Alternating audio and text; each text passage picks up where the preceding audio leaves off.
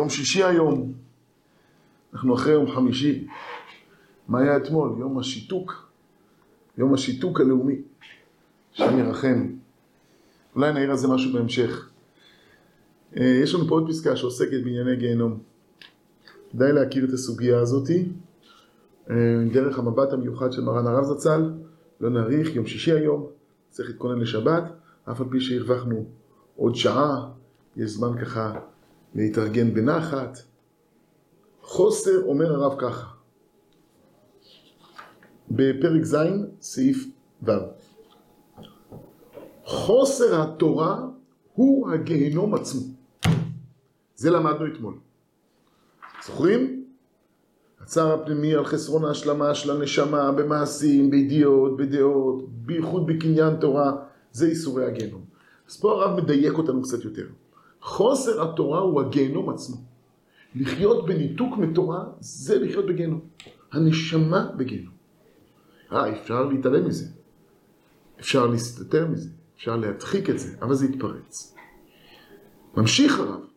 יש מושג נוסף שצריכים להכיר אותו. מיצרי גיהנום. ממשיך הרב ואומר ככה. ושטף הרצון החיצוני. מה זה הרצון החיצוני? לעומת הרצונות הפנימיים. לעומת הרצונות הנשמתיים שלנו. זוכרים? גיהנום זה צער פנימי, כי זה ביטול המאוויים הפנימיים. זה היעדר תספוקת לדרישות היותר פנימיות, היותר עמוקות שלנו. ולכן זה מייצר צער פנימי. אבל זה מתחלף בשטף של רצונות חיצוניים. כמה חיצוניים? תלוי כמה התרחקנו מהרצון הפנימי. כמה נשבינו, כמה נשבינו ברצונות חיצוניים, בדעות חיצוניות, באג'נדות חיצוניות. כמה אנחנו משועבדים, כמה אנחנו עבדים, כמה אנחנו מסורים לשלטונם של זרים, לרצונותיהם של זרים. ושטף הרצון החיצוני שנגד הרצון הפנימי. זה, זה עבד. אנחנו עסוקים בימים שאנחנו עסוקים ביציאה לחירות, בהתרת אסורים.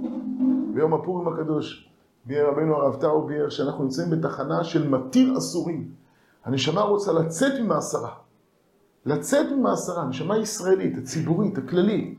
לצאת ממאסרה, להיות נאמנת לרצון הפנימי שלה, הפנימי שלה, ולא משועבדת לרצונות חיצוניים שהלבשנו על עצמנו, שהשתעבדנו להם. שאימצנו אותם בסדרי החיים שלנו בכלל ובמערכת המשפטית שלנו בפרט.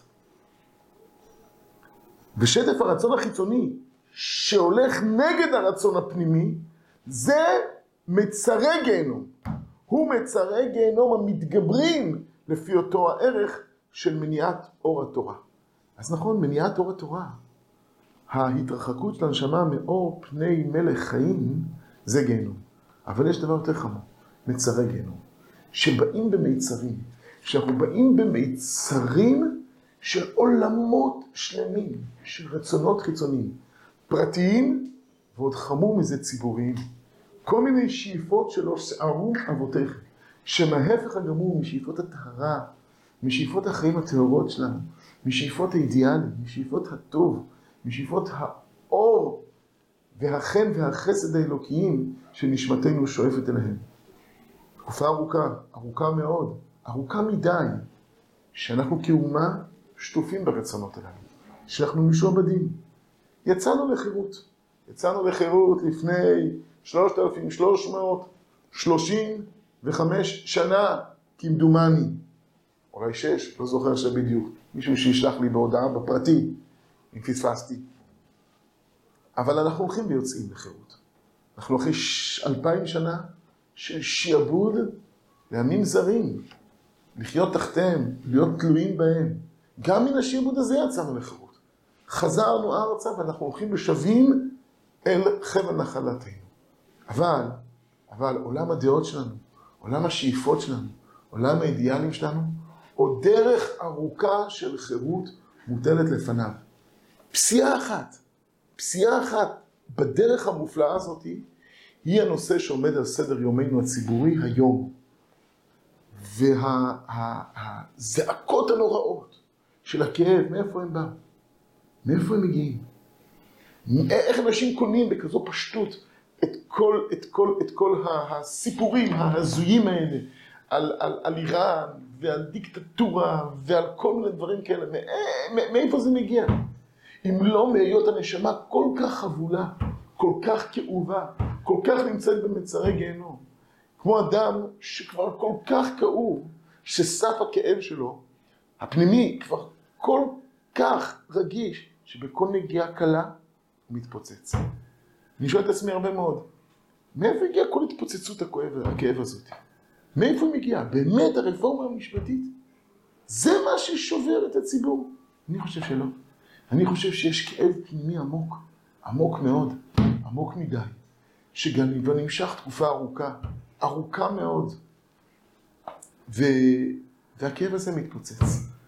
זה הכאב שנחשף לנגד עינינו. ותרופתו זה בשיבה אל הרצון הפנימי שלנו. שיבה אל הרצון הישראלי העמוק והטהור שלנו, אל שאיפות הטוב, היושר, הצדק, המישרים והטהרה של נשמתנו הפנימית, של אור פני מלך חיים שיחזור ויאיר לנו ולכל בית ישראל מטובו. שתהיה לנו שבת שלום, שבת מבורכת, לנו ולכל בית ישראל. שבת של מעין עולם הבא.